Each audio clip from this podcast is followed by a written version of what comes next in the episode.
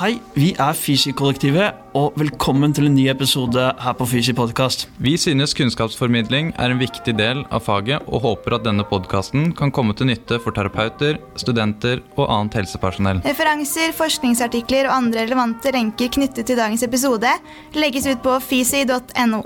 Følg oss gjerne på Facebook og Instagram. Der har vi ukentlig quiz og deler relevant fagstoff. Ok, er vi klare? Mm. Ok. Fem, fire, tre, to, én. Hei og hopp, og velkommen til en ny episode her på Fysi podkast. I dag så sitter jeg her med Katrine Rolid, og vi skal snakke om hjertetransplanterte pasienter. Um, men eh, aller først, eh, veldig kort, eh, hvem er du, Katrine? Jeg er fysioterapeut på Rikshospitalet, og Fredrik er jo kollegaen min for tiden. Oh yes. Eh, så, og det er jo supert. Eh, og så forsker jeg litt, da. Og det er egentlig det jeg bruker mest av tida mi på. Jeg forsker på trening etter hjertetransplantasjon og holder på med en doktorgrad. Ja, ja, hva er det du Hvis vi bare egentlig hopper rett til, eh, til sakens kjerne her. Hva er, det du, hva er det du skal prøve å finne ut av i doktorgraden din? Ja, eh, Det jeg skal prøve å finne ut av, er hva som har best effekt av intervalltrening med høy intensitet mm. sammenligna med trening med moderat intensitet hos nylig hjertetransplanterte pasienter.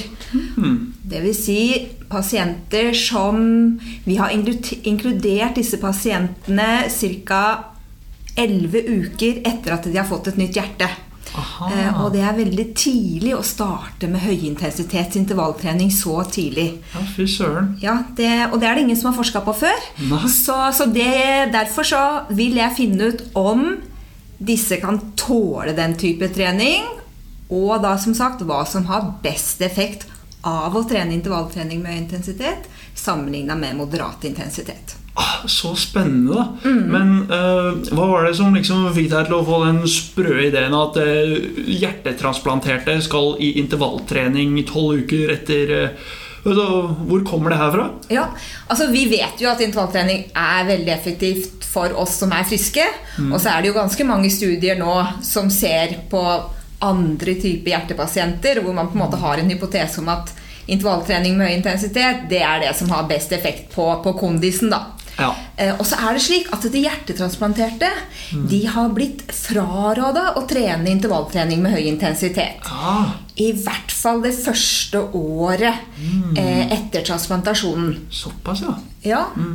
Og så men det er, jo ikke, det er jo ingen som hadde forska på det. Og når vi vet at intervalltrening mm. har god effekt, så er det på en måte å gjøre en bjørnetjeneste å ikke forske på det for de transplanterte. Mm. For vi har jo en slags formening om at hmm, Det å finne den beste typen trening hos de transplanterte, det er kjempeviktig. Vi vet at trening er viktig. Mm. Så, så, tenkte vi hm, ja, hvorfor ikke forsøke dette her? Ja. Eh, ja.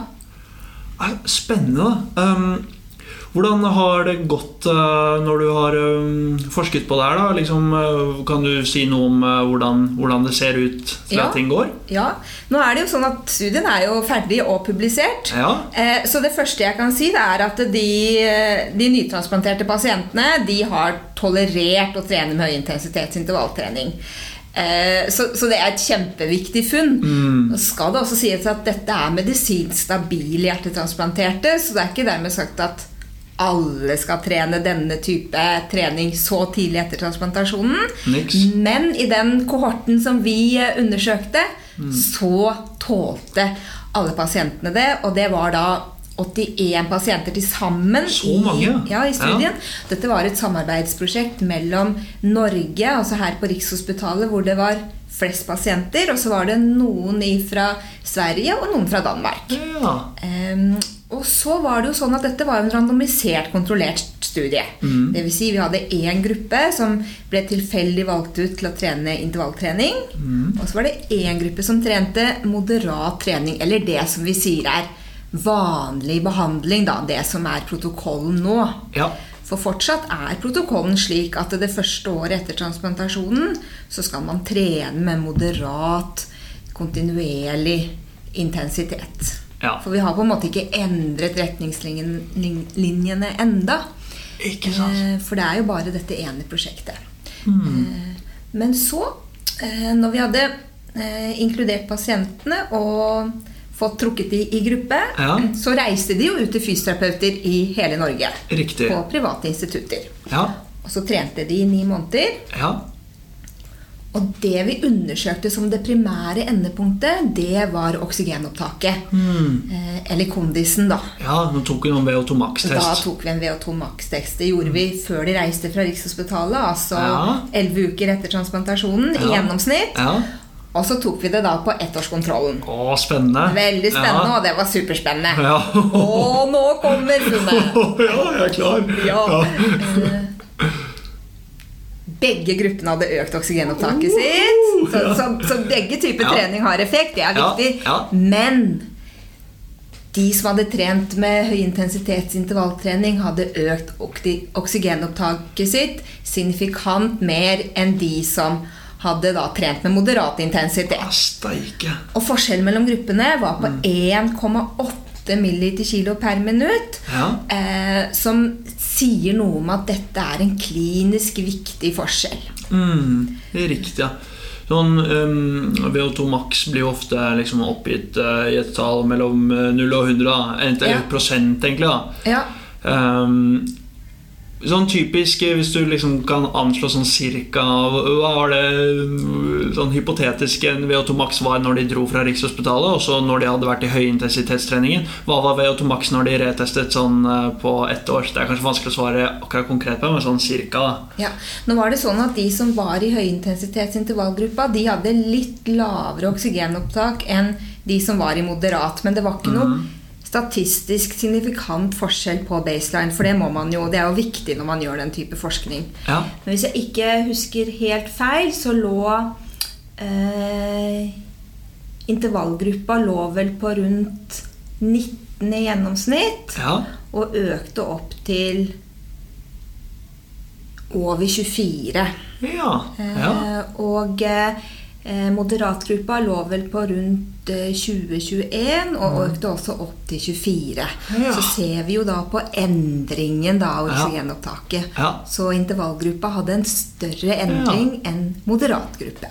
Hmm, interessant. Kjempe, kjempebra.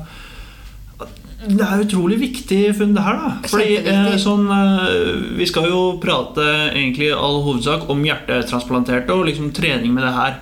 Og sånn Jeg tenker jo at hvis du har fått et nytt hjerte, at man liksom Ja, kanskje at det fungerer eh, litt på en annen måte, eller at man skal være litt sånn forsiktig med det. Liksom, eh, det var jo virkelig, var virkelig på tide at noen tok, tok den der og, og gjorde den jobben du har gjort, da, Katrine. Ja, for det som også er viktig, da, det er at eh, forskere på Rikshospitalet før meg eh, har jo undersøkt hva som er viktig for overlevelse hos disse transplanterte. Vi vet jo at kondisen og oksygenopptaket er jo en, en viktig faktor for overlevelse, altså det å, leve lenger Ja, ja. i, friske grupper, og også i andre pasientgrupper. Og så så vi også at de som av de hjertetransplanterte som hadde et godt oksygenopptak, de hadde også en bedre prognose. Så Derfor er det så viktig at vi finner den type trening som faktisk gir best mulig oksygenopptak. Ikke sant? Og så er det slik da, Hvorfor har vi ikke gjort det på de eh, hjertetransplanterte som akkurat har fått et nytt hjerte? Dvs. Si i løpet av det første året. Mm. og Noe av grunnen til det er at når man får et nytt hjerte, så er det jo slik Du får jo et hjerte fra en donor. Ja. Eh, Og det hjertet det må jo eh, skjæres ut av kroppen på donor. Og da kutter man av nerveforbindelsene. Ah, ikke sant? Så når man da setter inn det nye hjertet i pasienten, så har ikke hjertet nervetilførsel. Og pulsen styres jo av det autonome nervesystemet vårt hos oss som ikke har et transplantert hjerte. Ja. Ja, Men altså, hvis ikke det er noen nervesignaler, hvordan kan ja eh, Hvordan kan det fungere Hvordan da? funker det da? Mm. Og så er vi jo så heldig utstyrt, da, vi mennesker, at eh, vi har jo noen sånne reserveløsninger i kroppen. Okay. Så hos de transplanterte så styres pulsen av hormoner fra binyrebarken. Ah, ikke sant? Ja. Og hormoner, det må gå via blodbanen. Og det går jo mye tregere enn en nervetilførsel.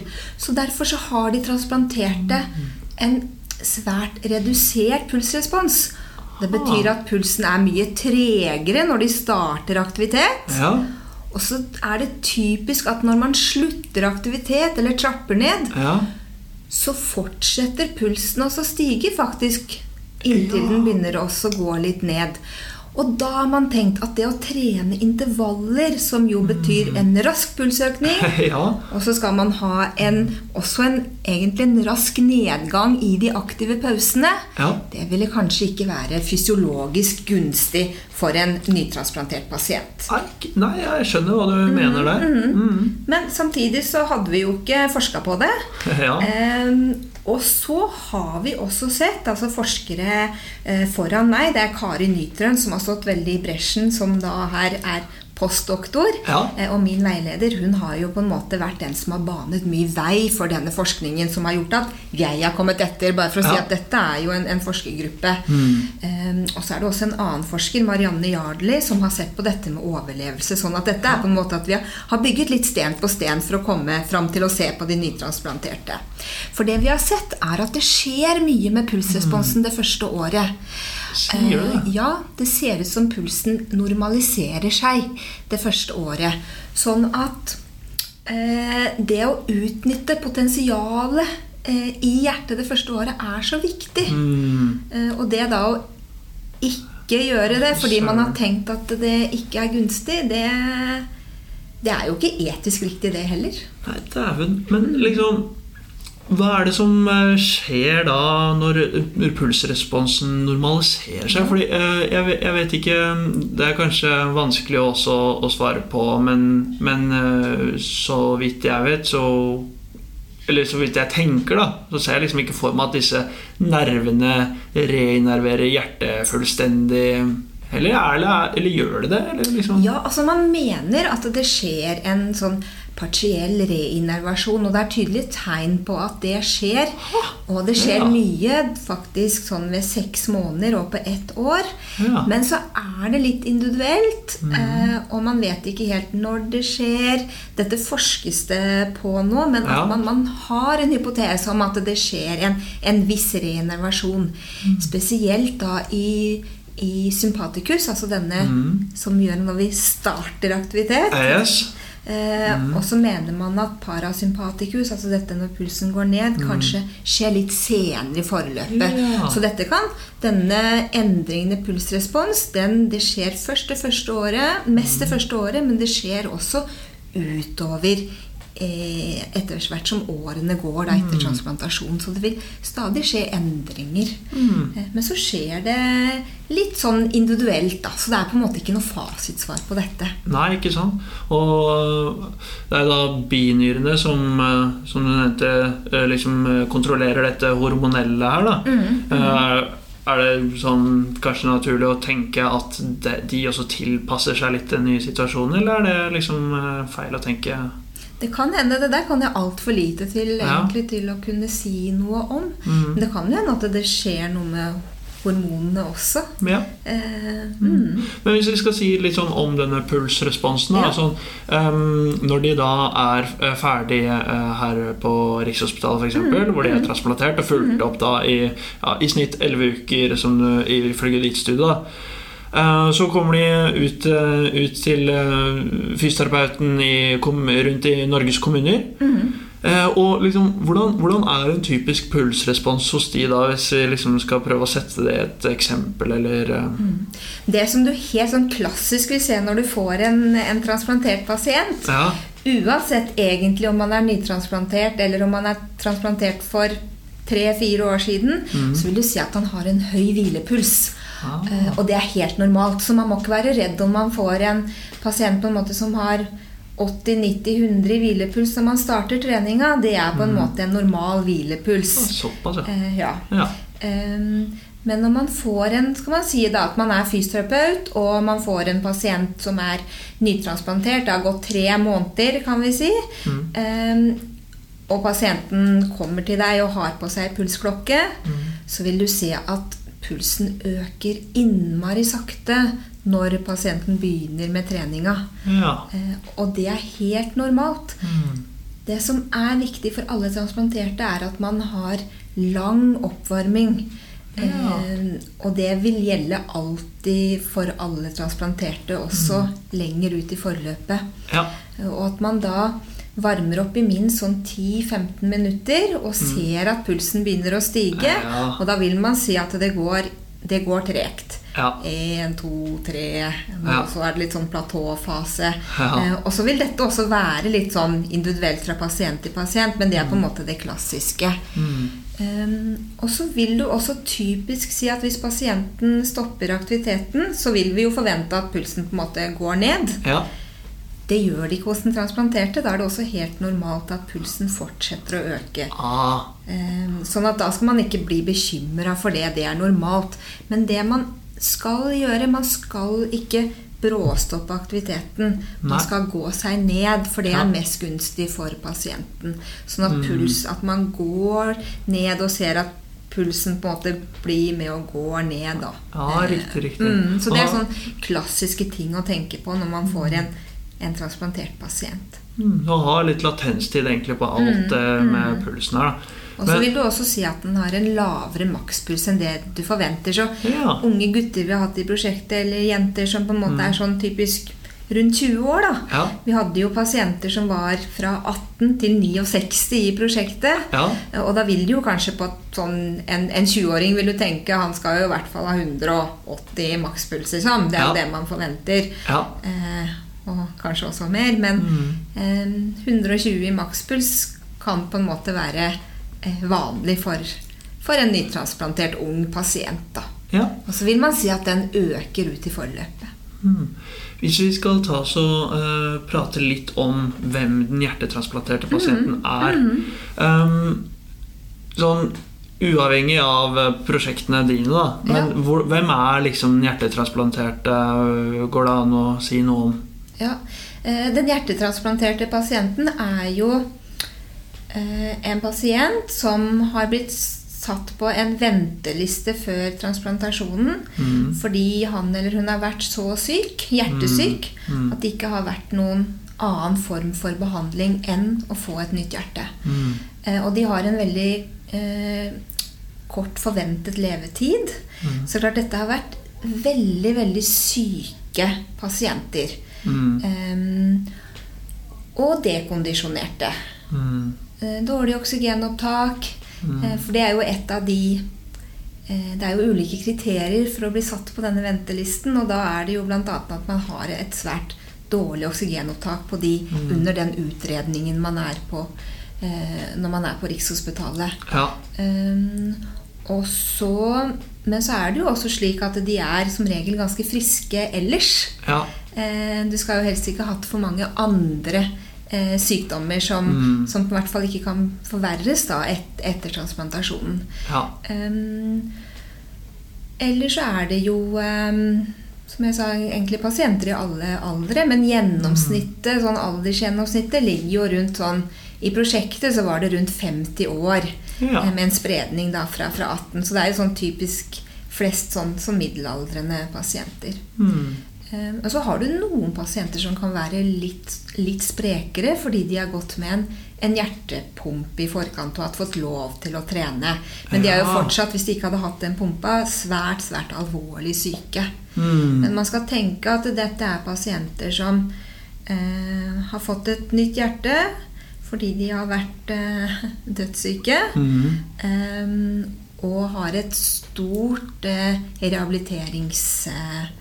rehabiliteringspotensial. Ja. ja. Eh, Mm, Det er sånn der, Det de har er på en måte fått en ny sjanse i livet, da. Ja, Som, som man skal hjelpe disse pasientene til å, til å leve videre. mm. Ja. Ja, det er, det er en utrolig eh, ja, både givende og viktig jobb, eh, det, akkurat den rehabiliteringsdelen her. Altså. Veldig, veldig viktig. Men du sa sånn hjertepumpe. Kan vi ta en sånn liten sånn rask digresjon bare innom der? Ja. Um, er det det som kalles LVAD? Da er det rett og slett en sånn der, eh, kall det en turbin som eh, dyttes eh, fysisk inn i venstre ventrikkel og bare avlyst. Ja. avlaster hjertet. Ja, Det er typisk eh, liksom, hjertesvikt. pasienter som får dette. da Men jeg tenker jo liksom Jeg har, liksom blitt vist uh, denne pumpen. da som, Det er jo en stor sak de liksom dytter inn der. Så er det hvordan, hvordan påvirkes kroppen av å ha blitt kall det kunstig eh, pumpet, eller at liksom har kunstig hjerte? Er det noen bivirkninger eller komplikasjoner som dette medfører, som kan gi utfordringer senere? Eller er- hvordan fordi Noen ganger så er jo disse pasientene veldig veldig syke mm. og har, virkelig trenger et nytt hjerte. Kanskje ligger på intensivavdelingen med en sånn LVAD, en pumpe. Og er det hvilke Er det noen utfordringer eh, som man kan møte på et, etter eh, Så la oss si at de har eh, denne pumpen, og så får de et nytt hjerte senere. da Skiller denne pasienten seg fra eh, de som ikke De som fikk hjerte på et tidspunkt hvor de ikke trengte å avlastes med pumpen? Mm, Godt spørsmål. Ehm, hvis man ser på liksom, hvordan det går med pasientene som har hatt en hjertepumpe versus de som ikke har hatt en hjertepumpe, så tror jeg ikke det er noen store forskjeller eh, eh, på det. Um, nå har vi jo ikke så mange her i Norge som har disse her hjertepumpene, sånn at materialet blir jo litt, litt lite å sammenligne med. Ehm, men hvis man skal tenke sånn uten å tenke de som har hatt hjertepumpe, da, hva er utfordringene med eh, å rehabilitere en hjertetransplantert? Mm. Det er klart det er jo ulike grunner til at du blir hjertetransplantert. Noen har jo det vi kaller en postinfarktsvikt. Ja. Og noen har jo en medfødt, hjertesykdom. Ja. Eh, og noen kan jo ha blitt Altså fått en virus på hjertet og blitt akutt-transplantert. Det finnes også noen av. Såpass, ja. Em, så vi ser jo at um, noen av de som f.eks. har gått med en har en postinfarktsvikt, kan jo ha um, mer aterosklerotiske forandringer så ut i blodkarene Ja. eh, enn de som ikke har hatt, denne postinfarktsvikten. Kanskje hatt en annen livsførsel. Altså det er jo individuelle forskjeller i denne gruppa som gjør at man har utfordringer også i etterkant i, i rehabiliteringsforløpet. Um, så det er jo ingen, det er ingen homogen gruppe vi, vi Nei, eh, har med å gjøre. Nei. Og så um, er det jo litt å tenke at uh, noen av disse pasientene kan jo kanskje være litt utrygge med tanke på det å skulle presse seg hardt. Mm. Eh, fordi de kanskje har blitt fortalt før transplantasjon at de skal være forsiktige med fysisk aktivitet. Ja. Fordi de kanskje har hatt arytmier eller eh, andre ting som kan forverre hjerte, hjertesvikten. Mm. Og det da å på en måte skal rett inn i et type prosjekt som jeg hadde, eller når Ja. vi trener de, det, da handler det jo om også eh, prøve å trygge disse pasientene om at trening Mm. er kjempeviktig, og at det er farligere å sitte i en stol Ja. enn å bevege seg. Um, og at det er viktig å jeg tror noen av disse pasientene kan slite litt med det å være tungpusten. For jeg vet, når du har en hjertesvikt, så er jo et av symptomene tungpustethet. Ja. ja. Eh, og det å bli andpusten da, Mm. det kan jo for mange kanskje vekke minner om at er det hjertesvikten som kommer tilbake. Og det er det her å da som terapeut å være litt trygg på at hvis du er tungpusten i hvile, så er det ikke bra. Men det å bli andpusten under anstrengelse, Ja. det er helt naturlig. Og det, og det ønsker vi jo at, du skal bli. Um, Det kan jo kjennes eh, uvant å bli andpusten. Kanskje vanskelig å skille også. mm, Men så, eh, når, eh, når er det en pasient på en måte er stabil for å trene? da? Når er det vi, når er det vi kan trene med pasientene som er hjertetransplantert? Nå begynner jo vi egentlig med Altså Vi vil si at vi kan kalle det mobilisering da, på intensiven allerede. intensivavdelingen. Det er jo opp av senga Ja. så fort som mulig. Da. Um, og så er det jo um, Vi starter jo liksom den første uka hvis ting går fint, og man har kommet på uh, Fått av det som på en måte er av eh, utstyr som, som du kan bevege deg eh, rundt med. Så Ja. Um, gå i korridor, gå i trapp er jo også trening for disse pasientene. Så jeg vil jo si at um, vi starter trening fra dag to. Ja. Uh, for disse har jo vært såpass sjuke og dårlige at det, Det å gå i korridor er, er jo trening for disse. Det er sant, det. Eh, og så når vi kommer på treningssalen, la oss si Det er jo individuelt, men Mm. en uke eller to, da. Så kan vi på en måte begynne å, å systematisere treningen mer med å dele opp i både styrketrening, kondisjon. Ja. Den første tiden så snakker vi jo om da snakker vi ikke om høyintensitetsintervalltrening. Det er jo viktig at disse pasientene får en grunnkondisjon og ikke minst en grunnstyrke i muskulaturen. Ja. eh, Sånn at vi ikke pådrar de skade. Mm. Eh, Så, så jeg vil jo si at det å begynne med en, en litt sånn gradvis tilnærming og bygge seg opp, altså tidligst tre måneder ut i forløpet Det var jo en grunn til at vi satte litt den Mm. eh, tiden Ja. eh, hos de transplanterte. At vi ikke begynte med det liksom etter to uker. Ja, som man kan da. gjøre med andre, andre hjertepasienter. For dette er jo en gruppe som som sagt er svært dekondisjonert. Yes. Eh, og det å da pådra, en, pådra de en muskel-skjelettskade er jo heller ikke noe vi ønsker. Kan, eh, så, så dette, eh, og det vil også I prosjektet så hadde vi også styrketrening. Det er viktig å presisere. Ja. Eh, både gruppa som trente moderat, og gruppa som trente intervall, trente styrketrening én dag i uka. Eh, og det skal de også gjøre hos fysioterapeuten ute i, i, i kommunen. Og det som vi så, da, som var på en måte et, et av endepunktene i studien, det var jo Ja. de som trente med høy intensitet, Ja. også hadde bedre styrke i bena Ja. enn de som trente med moderat intensitet. Hmm.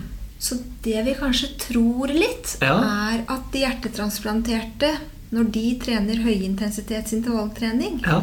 så påvirker det muskulaturen mer effektivt enn ved å trene moderat trening. Ah. Så er det en sammenheng mellom god muskelstyrke Ja. og oksygenopptak. Så det er kjempeviktig å prioritere styrketrening hos disse transplanterte. Ja, Ja, så eh, skjønner jeg det rett da liksom, at eh, liksom, det dere tenker og eh, litt imellom der, er at eh, musklene utnytter oksygenet i blodet på en bedre måte, da. Mm.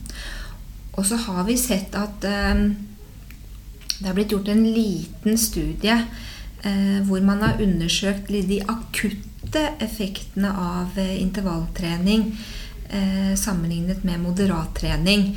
Eh, men da ikke hos nytransplanterte, hos transplanterte litt ut i forløpet. Mm. Eh, og da så det ut som eh, det skjedde noe med visse faktorer i blodet som er med på å gjøre denne du vet, kapillærnettverket ut i muskulaturen. Ja. Jo bedre det er, jo bedre får vi også utnyttet Ja. eh, oksygenet. Ja, ja. Og det, så, det ser ut som høyintensitets intervalltrening er med på å forbedre eh, den, dette kapillærnettverket. Da. Men dette er jo veldig sånn små studier som er gjort, med ja. og hypoteser.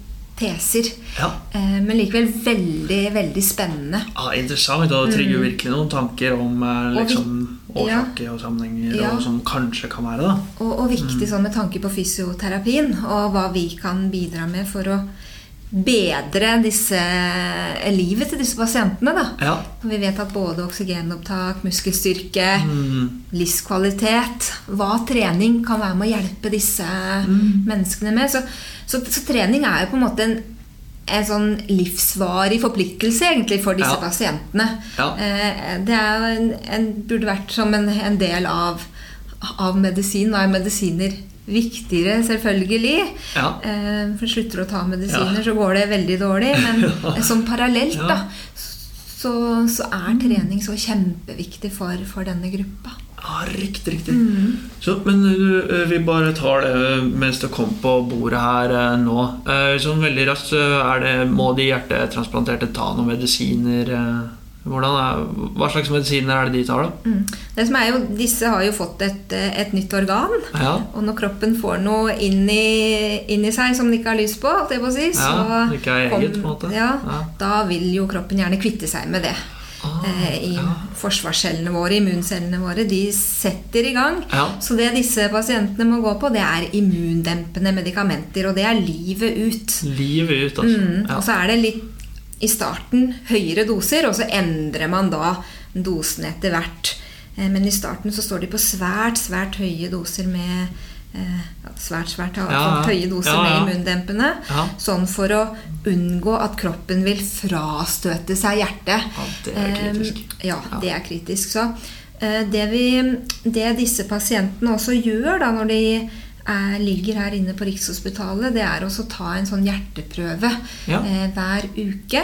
Ja. De eh, tar med en liten vevsbit av hjertet for å se om det er en, eh, en avstøtning eller ikke på gang da i hjertet. Ah. Eh, Så, så det er også noe man må passe på med disse pasientene. Det er at hvis de har en pågående avstøtning, det vi kaller en reaksjon, Mm. så må det eh, behandles. Ja. Eller i hvert fall tas hensyn til.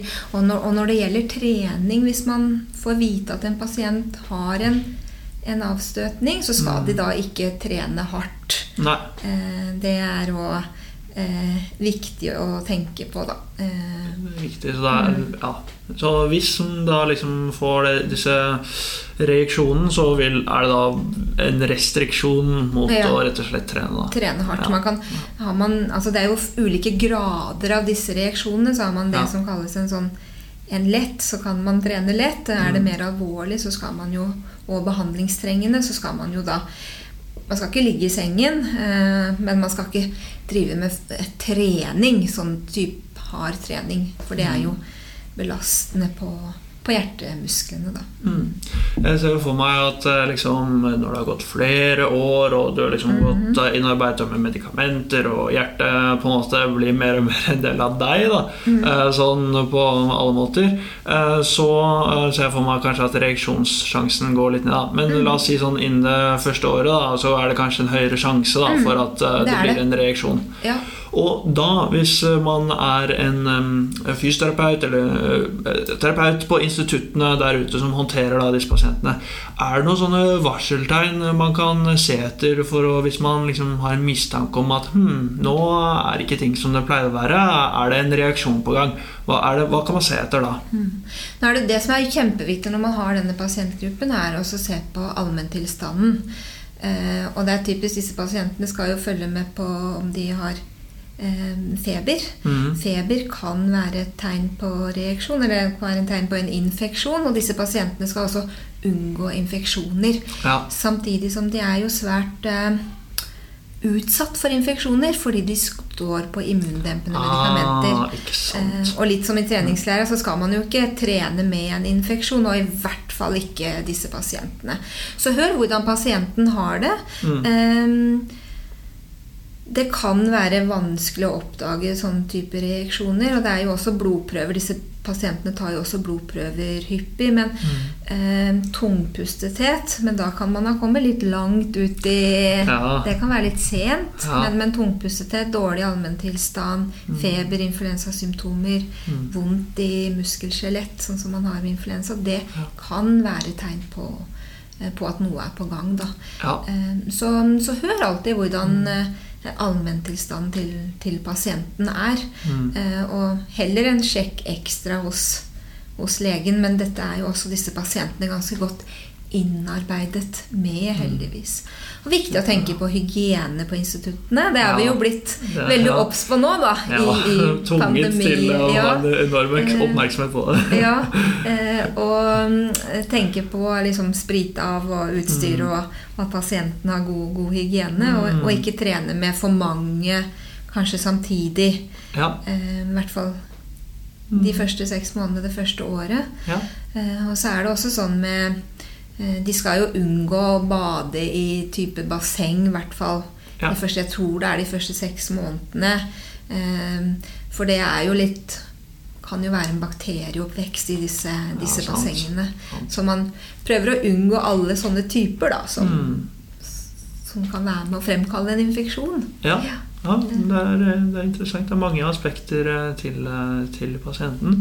Så vi tar oss eh, liksom går litt eh, videre inn i eh, transplantasjons, hjertetransplantasjonens verden her. Fordi nå eh, har vi da transplantert eh, pasienten, og han er ferdig på sykehuset, og vi er liksom ute i eh, instituttet. Ja. og Og han har på en måte fått livet, eller hun har fått livet i gave igjen. da Ja, ja. Eh, Men jeg kan liksom se for meg at eh, livskvaliteten eh, går jo opp Ja. etter du har fått et nytt hjerte. Men hva er det liksom som er Hva er det som er viktig at man gjør med disse pasientene for å liksom trygge de i situasjonen? Altså, det er jo så det er så innmari absurd at du liksom kan få et nytt hjerte Mm. som fungerer inni kroppen din. Og hvis du oppåtil er personen som har fått hjertet inni kroppen din, Ja. så um, det må jo være helt crazy. Altså, liksom, at, hva sier vi til disse for at de skal liksom føle seg trygge på at man kan trene og, Mm. og holde kroppen mm. sunn og frisk? For det første, da, så når de er på Rikshospitalet her, så gjennomgår de jo veldig mange ulike tester før de reiser herifra. De ser jo hvordan eh, hjertets eh, kransarterier ser ut. Alle går gjennom en, en såkalt angiografi før de reiser herifra, sånn at man ser at det ikke er noe som tilsier at man ikke skal trene med høy intensitet. Altså at det ikke er noe i, i årene Ja, i, i på det nye donorhjertet. hjertet, ja. Og så gjennomgår det jo Og det trygger jo pasienten litt. ikke sant? Ja, hjertet mitt, I så fall, da. La oss tenke at dette er en pasient. Ja, ja hjertet Mm. mitt ser fint ut. Og, og det gjør det jo på, på veldig mange, heldigvis. Ja, ja. Eh, og så vet vi at det kan skje litt altså, utover i forløpet. Disse tar også angiografier da, eh, nesten årlig eh, for å undersøke dette. Men eh, det er den ene tingen. Og så gjør vi også en maksimal belastningstest Ja. på tredemøllen før de reiser herifra. Og det er med på litt sånn For det første så er det jo en trygghet for oss terapeuter og se at de tåler å teste seg til maks, og så gjør det noe med pasienten. Mm. At ja, hjertet mitt tåler jo å, å belastes til maks. Ehm, Så når du, du får pasienten, så er det på en måte ja, ting, jeg har jo lest papirene dine, og eh, det ser jo ut som at eh, ting går, Ja. eh, har gått bra etter transplantasjonen. Det er viktig å lese papirene man får om pasienten, da, for det, dette er jo Det er ingen Som jeg sa, dette er mange ulike pasienter man kan få. Så noen kan jo ha restriksjoner som vi ikke tar opp her i denne podkasten. Um, men la oss tenke at vi har en, en pasient du kan uh, tenke har et normalt, godt forløp. Mm. Um, trygge på at ja, jeg har lest papirene dine, dette, og du har gjort, dette har du gjort på Rikshospitalet. For vi, du ser jo hva du har trent der. Vi kan jo bare la oss starte der. Som, Ja. som du hadde på Rikshospitalet. Og så øker vi heller gradvis derifra. Og så tror jeg det er viktig at du har med deg pasienten litt på den gradvise økningen. At dette blir en sånn toveis eh, kommunikasjon da, mellom deg og pasienten. At, du, eh, at pasienten er med på dette, for dette er jo noe pasienten skal gjøre resten av livet også. Ja. Um, sånn at han føler at han eier litt sin egen kropp, eh, for å si det sånn. ja, det er viktig. det. Og så er det jo det å si at trening er Selv om pasienten sikkert har fått høre det noen ganger allerede på Rikshospitalet. Men du som terapeut, selv om du tenker at jeg har jo aldri hatt en hjertetransplantert før, og kanskje noen fysioterapeuter kan kanskje tenke at det er eh, kan være skummelt å få en hjertetransplantert pasient. Men jeg tror det er eh, viktig da å snakke med oss på Rikshospitalet. Mm. Liksom få god informasjon, litt veiledning før man har pasienten, og, og tørre å være trygg i, eh, trygg i settingen selv. Ja, For det, det smitter jo litt hvordan man oppfører seg også. Det vet Mm. vi jo. Um, Jeg har jo sittet eh, ved siden av dere som jobber med disse transplanterte, og jeg hører jo støtt og stadig dere er i dialog med Ja. de ute på instituttene, og dere er jo innmari på bjudefronten på Mm. å dele av kunnskapen deres og informasjonen deres, og det er jo også en sånn hvis, det liksom, eh, hvis man tenker at det er en litt skummel gruppe, så er det jo Og veldig fint kontakt, ja. at man kan prate om, om håndteringen da. Mm. Og så tror jeg det er viktig liksom å, å si til pasienten at eh, eh, vi vet jo at trening er kjempeviktig, og hvis du på en måte skal takle hverdagen din og, eh, og livet videre, så er det viktig Ja. at vi sammen får deg i god form. Mm. Eh, for deg, for deg sjøl. Det er jo for deg sjøl du gjør dette. Eh, men så er det jo også viktig at pasienten tør å si fra hvordan han har det. Ja. At han ikke tenker ja, det er jo en plikt at jeg trener. At han liksom sier ifra hvis det er noe som butter imot. Da, at man kan være med oss og justere treningen. Ja. Um, og det kan jo komme ting med, med transplantert hjerte også, så det er jo alltid viktig å være litt på alerten med eh, Bruke pulsklokke, sjekke om det er uregelmessig puls, om det er pulsfall. Altså ha blikket på det, da, og, og selvfølgelig også symptomene til pasienten. Eh, og, At jeg føler det er en viktig ting egentlig du, du også påpeker der litt. I hvert fall i hodet mitt så ser jeg for meg at dette er en gruppe som er veldig sånn Kall det protokollbasert. da At sånn, nå skal du trene det, og sånn og sånn, og varme opp så lenge. Og at liksom eh, kanskje deres eh, meninger og tanker om hvordan det føles, og som kanskje kan drukne litt i hele protokollen nå, da. Men, har du, nå er jo, eller har du noen tanker om hvordan man liksom kan få få fasilitert, eh, stimulert pasienten til å liksom fortelle hvordan det går. På en måte. Eller jeg vet ikke om det er Ja, det, der er jo et, et kjempeviktig mm, Eller kjempeviktige tanker. og Også utfordrende i Men det er jo en stor del av faget vårt også, da, Fredrik. Ja, det er det. Dette er på å på en måte eh, motivere pasienten eh, eh, til å trene, samtidig som den motivasjonen kommer ifra pasienten sjøl. Altså den balansegangen eh, der. Um, og det er jo dette her med kommunikasjonen igjen. Da. Det er jo, mye av faget vårt handler jo om eh, eh, å få folk til å, å mestre. Ja. Mestre fysisk aktivitet. Selv om vi har en protokoll, så må jo pasienten kjenne en, en mestring i det han gjør. Mm. Um, og er, er pasienten livredd, så hjelper det ikke at vi smeller til med en protokoll som sier at du skal gå på fire kilometer på tredemølla i timen, for det, det er det som står. Altså da eh, nedjustere litt, da, og så se hvordan pasienten, bare som et tenkt Ja, ja. eksempel eh, prøv, prøv det litt fram med pasienten og ha den herre altså, det er jo ikke noe hastverk. Eh, man, skal, man skal pushe litt, i hvert fall på de som eh, er pusher, pushe forsiktig, da. Ja, ja. Eh, og så er det jo også noen ganger man må bremse litt, for noen pasienter er jo også, skal jo erobre verden. ja, det er Ja, sant. eh, fordi man føler, noen pasienter føler kanskje at de har mista mye tid Mm. ved å stå på ventelisten, og de, skal, de har masse å ta igjen nå når de har eh, fått et nytt hjerte. Og da må vi også være flinke til å være med og, å justere. Mm. Eh, at det ikke blir for mye også. Altså Treninga skal gi overskudd i hverdagen. Yes. Mm. Og, og det er jo også noe man kan spørre pasienten om. ikke sant? Hvordan opplevde du treninga nå eh, dagen etter? Eh, det er vanlig å bli sliten sånn rett etter økta. Ja. Men dagen etter Du skal ha klart å restituere deg Mm. eh, i løpet av natta. Det er sant. Eh, så hele tiden ha den litt sånn Det er, det er som du sier, det er en utrolig heterogen gruppe. Liksom, jeg kan også se for meg at man nesten kan tenke at sånn Nå har jeg stått på venteliste så lenge, og nå har jeg endelig fått organet. Og nå skal jeg søren øh, pokke meg liksom, eh, Jeg skal uansett følge hva de sier. Og at man kanskje også kan føle litt på at sånn, man følger mer enn det man egentlig selv tåler. Fordi sånn, sånn er du, på en måte. Uh, men sånn ehm, det gjelder jo på en måte fra begge sider. da, Kanskje at man må prøve å Eller at man kan prøve å stimulere til en sånn ærlighet og transparenthet overfor hverandre. da, at eh, eh, og liksom Hvis man klarer å eh, flette dette inn i alliansen at sånn her, her tar vi opp de selv små filletingene, da, så kan det være en veldig sånn fin ting eh, når det er, det er liksom såpass viktig å være trygg eh, på at kroppen, nye deler av kroppen fungerer. Og, ja.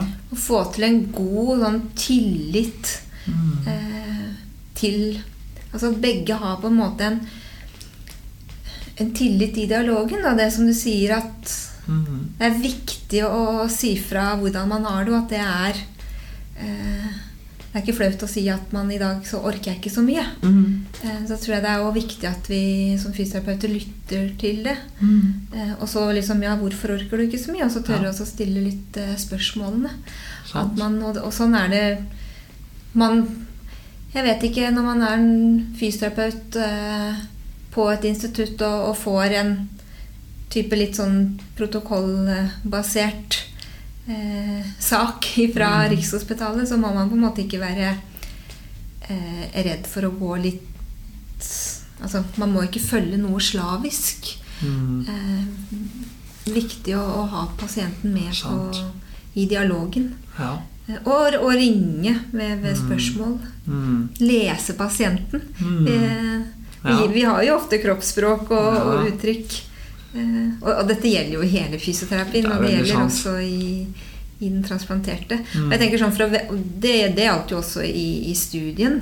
ja. Eh, For å, for å lykkes med, med type intervensjoner som trening, og for å unngå at folk detter ut av studier, så, så handler det jo litt om det fine ordet som heter shared decision making, eller altså Mm. brukerperspektivet. Da, at dette er et, Ja. et samarbeidsprosjekt man gjør. ja, det er jo på sett og vis kjernen i de tingene vi har snakket litt om også nå. Mm. Mm.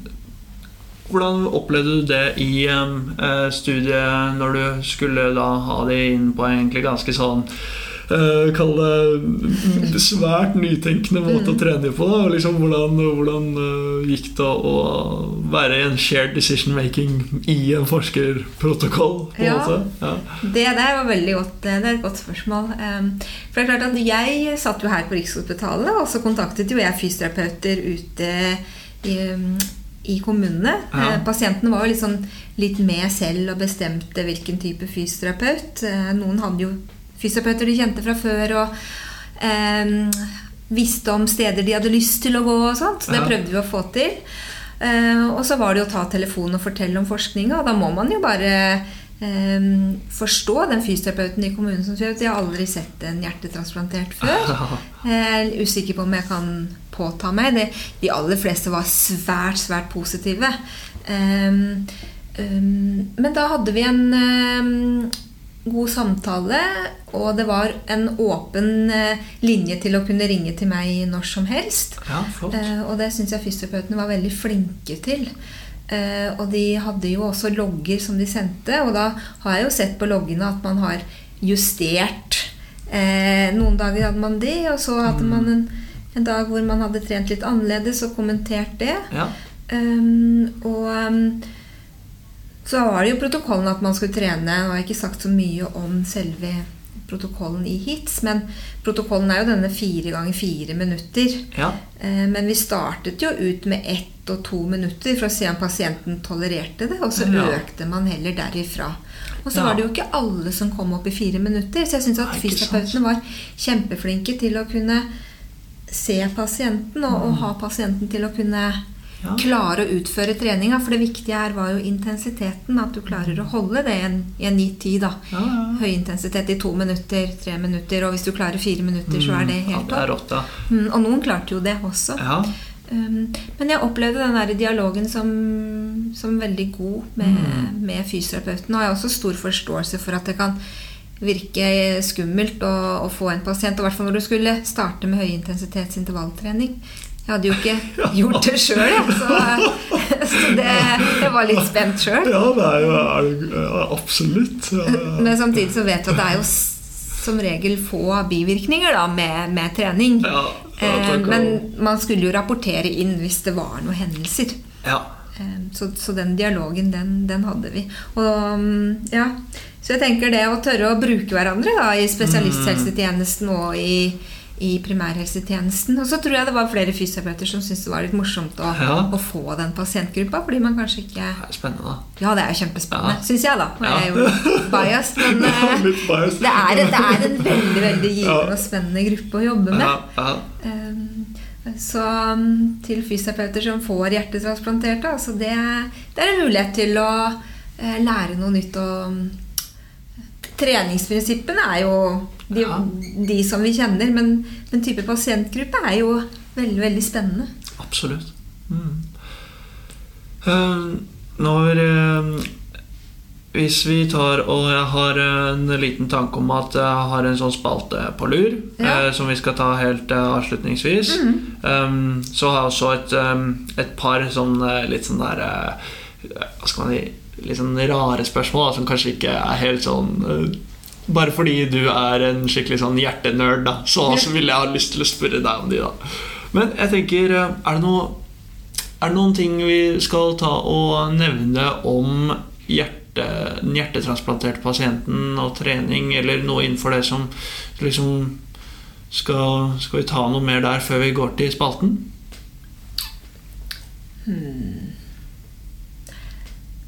Nå har vi vel vært borti, eh, borti mye. Mm. Det vi kanskje ikke har sagt noe om, er jo liksom Nå får man jo ofte disse pasientene når det i hvert fall har gått åtte uker, da. Men disse, eh, disse pasientene har jo hatt har skåret over brystbenet, så det her er styrketrening for overkroppen, det må man eh, begynne gradvis og forsiktig med. De har jo de første åtte ukene ikke skulle løfte mer enn maks fem kilo. Ja. Så klart, det her å gjøre pushups og den type tyngre eh, styrketrening for overkroppen, det, Ja. det må man bygge gradvis, og pushups kan man vente med, for å si det sånn. Ikke sant. Og heller eh, Man skal gjøre styrketrening for overkroppen også, men Ja. eh, det viktige er, er beina. Ja, ja. Eh, og så mer gradvis for overkroppen, bare sånn at Ja. vi har med det. Men dette vil jo også stå i papirene sånn. Det er fint, eh, liksom, det er jo absolutt en aktuell greie. De har jo hatt en sternotomi, og de går også på disse immundempende medikamentene som eh, slår ut eh, immunforsvaret litt, som kanskje gjør at det gror litt saktere enn hos mannen i gata. Så Og, og disse immundempene er også med på å gjøre noe med muskel- og, og senevevet. Så, så det er em, kjempeviktig med uttøyning hos eh, denne gruppa. Ja. Em, em, sammen med styrketrening.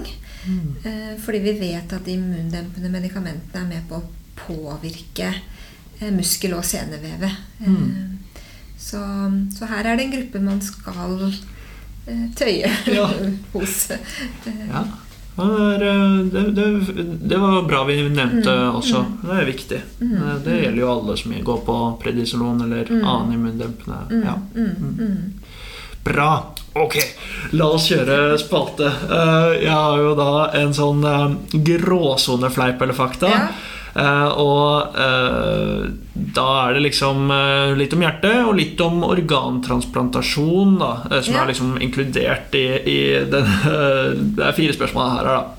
Så da leser jeg opp en påstand, og så kan du prøve å si fleip eller fakta, og så må du gjerne kommentere kort på det. da. Ja. Så eh, eh, sånn eh, informasjon. Man tenker på hjertet som et senter for kjærlighet, følelser og andre personlighetstrekk. Så kommer påstanden. En, på, en person kan endre personlighetstrekk etter å ha hatt hjertetransplantasjon. Er det fleip eller fakta? Jeg vil nok si at det er fleip. Personligheten vår sitter vel ikke i hjertet. Eh, og så kan man jo liksom tenke at eh, som ved all type sykdom, da, eller store endringer i livet, så kan det jo hende vi endrer litt sånn synet på verdier og litt hvordan Ja. vi tenker og, og sånt. Ja, ja. Men eh, man endrer ikke personligheten ved å få en eh, Ja, og hvis du har kjærlighetssorg, kan du liksom bytte. Altså. Ja, så får du du, er, du er den samme om du får eh, du, du er den samme personen om Ja, ok. du får hjertet Ja. en annen, Ja. hvis vi kan si det sånn. Det er veldig bra. for det. Ja, nei, måtte bare sjekke. Ja. Um, ok, neste. En kvinne kan kun motta hjerte fra en kvinne, og en mann fra en mann. Fleip eller fakta? Det er fleip. Det er fleip. Det er fleip. Men det som er viktig, da, det er jo at størrelsen er noenlunde det samme. Ja. Så det er klart at Er du en liten dame, så er det ikke sikkert det er gunstig å få Eller det er ikke gunstig å få et hjerte fra en stor mann. Mm, Um, så, så kjønnet har ikke noe å si, men, men størrelsen har noe å si. riktig, riktig. Og vi er jo litt sånn forskjellig størrelse, kanskje menn og kvinner. eh, sånn sett, da. Mm. Um, nå fikk jeg egentlig Eller nå tar jeg bare uh, fletter inn en av de rare spørsmålene mine inni fleip eller fakta her, fordi jeg syns det passet litt etter det spørsmålet. Ja. Uh, men ehm, hvor gammelt kan et eh, hjerte bli? Ehm, fordi kan, kan du ha et hjerte som har levd flere år enn deg selv inni deg? Og liksom hvor, hvor mange totalt antall leveår kan et hjerte ha? Ja, er det liksom Ja, ja. Hvis du er 20 da, og får et fra en 15-åring, 50-åring, er det gitt at du liksom kan bli Altså, hvis du har fått hjerte fra en sprek 50-åring, så kan Ja. jo det holde, holde en god stund, det. En god stund. Ja. Kommer jo an på, ikke sant. Det er jo ikke alltid alderen som Det er, det er klart at alder har noe å si. Det Ja, det har det. ja. Eh, men eh, en, eh, en, en sprek eh, 50-åring kan jo biologisk sett være ganske ung. Ja. Og en usprek eh, 30-åring ja, kan også være litt gammel, hvis du skjønner. absolutt. Jeg skjønner godt hva du mener. ja. Men det er jo klart det er jo alltid gunstigere med, med et ungt hjerte. Ja. Men ja Jeg tror ikke vi skal dra den så langt. Men, Nei, nei, det er liksom ikke men det som, handler liksom eh, Biologisk alder er jo liksom Og det er genetiske faktorer med hjertet, og det er jo så mye som spiller inn i, i, i lev, levetid også. Absolutt. Mm. Ja, nei, nei. Så det er ingen etablerte sannheter rundt eh, det, altså. Nei, men eh, Ja, men, eh, jo yngre, jo Ja. ja, ja, men, ok. Vi hopper videre i Ja. uh, gråsone fleip eller fakta. Eh, nå er det eh, Skal vi se Eh, Ok. Hvis en lege som jobber i akuttmottaket, vet at du er organdonor, så jobber de ikke like hardt for å redde livet ditt. Fleip eller fakta? Det er en stor fleip. Der har jeg no more comments. Ok, good. Very good. Uh, ok, siste. Um, man kan være for gammel til å være organdonor. Finnes ingen aldersgrense. Da er bare å melde seg som organdonor. Yes. Og det vil jeg jo oppfordre alle om å, å gjøre. Og det er jo egentlig bare å si fra til dine nærmeste. Ja. Ehm, for du, det, du må nesten si det for å bli det. Eller så kan du eh, registrere deg i Kjernejournalen ja, på Helse-Norge. på Helse-Norge. For Ja. da ser jo også eh, helsepersonell Ja. ditt standpunkt. Ja. Og så er det jo alltid kjekt for den pårørende å vite Mm. eh, den avdødes eh, ønske. Mm. Eh, hvis, hvis man skulle komme opp i den situasjonen da, i en, Mm. i en familie. Mm. Kanskje en sånn liten oppfordring til våre kjære lyttere der som kunne tenke seg å redde et liv eller to. Så kan man jo ta det rundt middagsbordet eller frokosten, eller komme an på når du hører det her, da. Men å registrere det i Helse-Norge, da, så vet både pårørende og at det er registrert. da. Det er viktig. Veldig viktig. Mm. Bra. Ok, jeg har et sånn eh, rart spørsmål til. Uh, og det er um, Har du uh, Har du troa på at stamceller uh, At vi kan lage hjerter av stamceller i framtida? Ja, det der er jo et eh, spennende spørsmål. Um, dette her forskes, det forskes jo på mye med, med stamceller. Ja. Uh, og det hadde vært fantastisk om man kunne fått til det. Ja. For vi vet jo at mangelen på organdonorer er jo, er jo stor. Mm. Jeg tror det er ganske langt fram i tid, og om det kommer til å skje, det Jeg vet for lite om det, men jeg vet at det, det forskes mye. Og så Ja. er det jo mye etiske Ja. eh, dilemmaer i det Mm. også, ikke sant? Um, men man må jo aldri miste troa på ting. Altså, Nei, er ha, har man, er man forsker og forsker på stamceller, så må man jo absolutt fortsette å forske på det. Ja. Så, eh, nå forsker ikke jeg på det, så jeg har ingen sånne veldig klare hypoteser på hva som kommer til å skje. Ja, nei, men du, er, du er liksom den jeg kjenner som er mest fornuftig å prøve å spørre det spørsmålet. i det hele tatt. Eh, Men eh, ja, Så vi har, vi har troa og håpet. Ja. Men vi får se, da. Ja, Ja. og Enn så lenge så jobber vi for organtransplantasjon og donor. Yes. Ja. yes. Mm, Kjempebra. Um, vi lager jo en, et sånn innlegg på fysi.no, Mm. um, der eh, episoden vil ligge. Uh, og også um, litt sånn lenker som er relatert til tematikken i dag. Så jeg tenkte i hvert fall at jeg, skulle legge ut disse artiklene du har skrevet i forbindelse med doktorgraden din. Mm. Ja. Um, jeg vet ikke, Er det noe, er det noe um, ressurser, noen eh, nettsider, noen videoer, noen forskningsartikler som du vet sånn fra toppen av Hvis det er en sånn engasjert lytter der ute som har lyst til å lære enda mer om det her, da. Um, hva, hvor leser man? Hva leser man? Ja. Um, når, når det gjelder eh, så, trening og hjertetransplantasjon, eh, så er det selvfølgelig forskningsartiklene som kanskje er de mest relevante på det. Ja. Um, vet ikke om det finnes sånne veldig sånne populærvitens Kanskje jeg sitter så mye i denne forskningsverdenen min at det er PubMed jeg bruker. Eh, eh, Men når det gjelder organdonasjon, da, hvis man er interessert i det, så har jo Stiftelsen Organdonasjon en veldig fin nettside hvor det står mye om, eh, om det. Ja. Og det er jo organdonasjon.no. Mm. Eh, Ja, men det, det er kjempebra. Jeg legger i hvert fall ut linkene. Og så hvis du kommer på noe, så kan du jo sende det til meg. Og hvis jeg kommer over noe, fordi jeg driver og lærer litt om det her hver dag, jeg også, mm. så kan jeg også legge ut det. Men så har vi i hvert fall noen ting som eh, våre engasjerte kjære lyttere kan ta en titt på. da. Så da vil du finne det på fysi.no. da. Mm. Så bra, da. Det var kjempegøy å prate med deg, Katrine. Like måte, Fredrik. Ja. Alltid hyggelig med prat med Fredrik. Ja, jeg syns vi var ganske sånn eh, fattet og ordentlig. Vi, vi driver egentlig og tuller fælt på kontoret, så vi sitter og holder oss fast i stolene her. Kjempebra.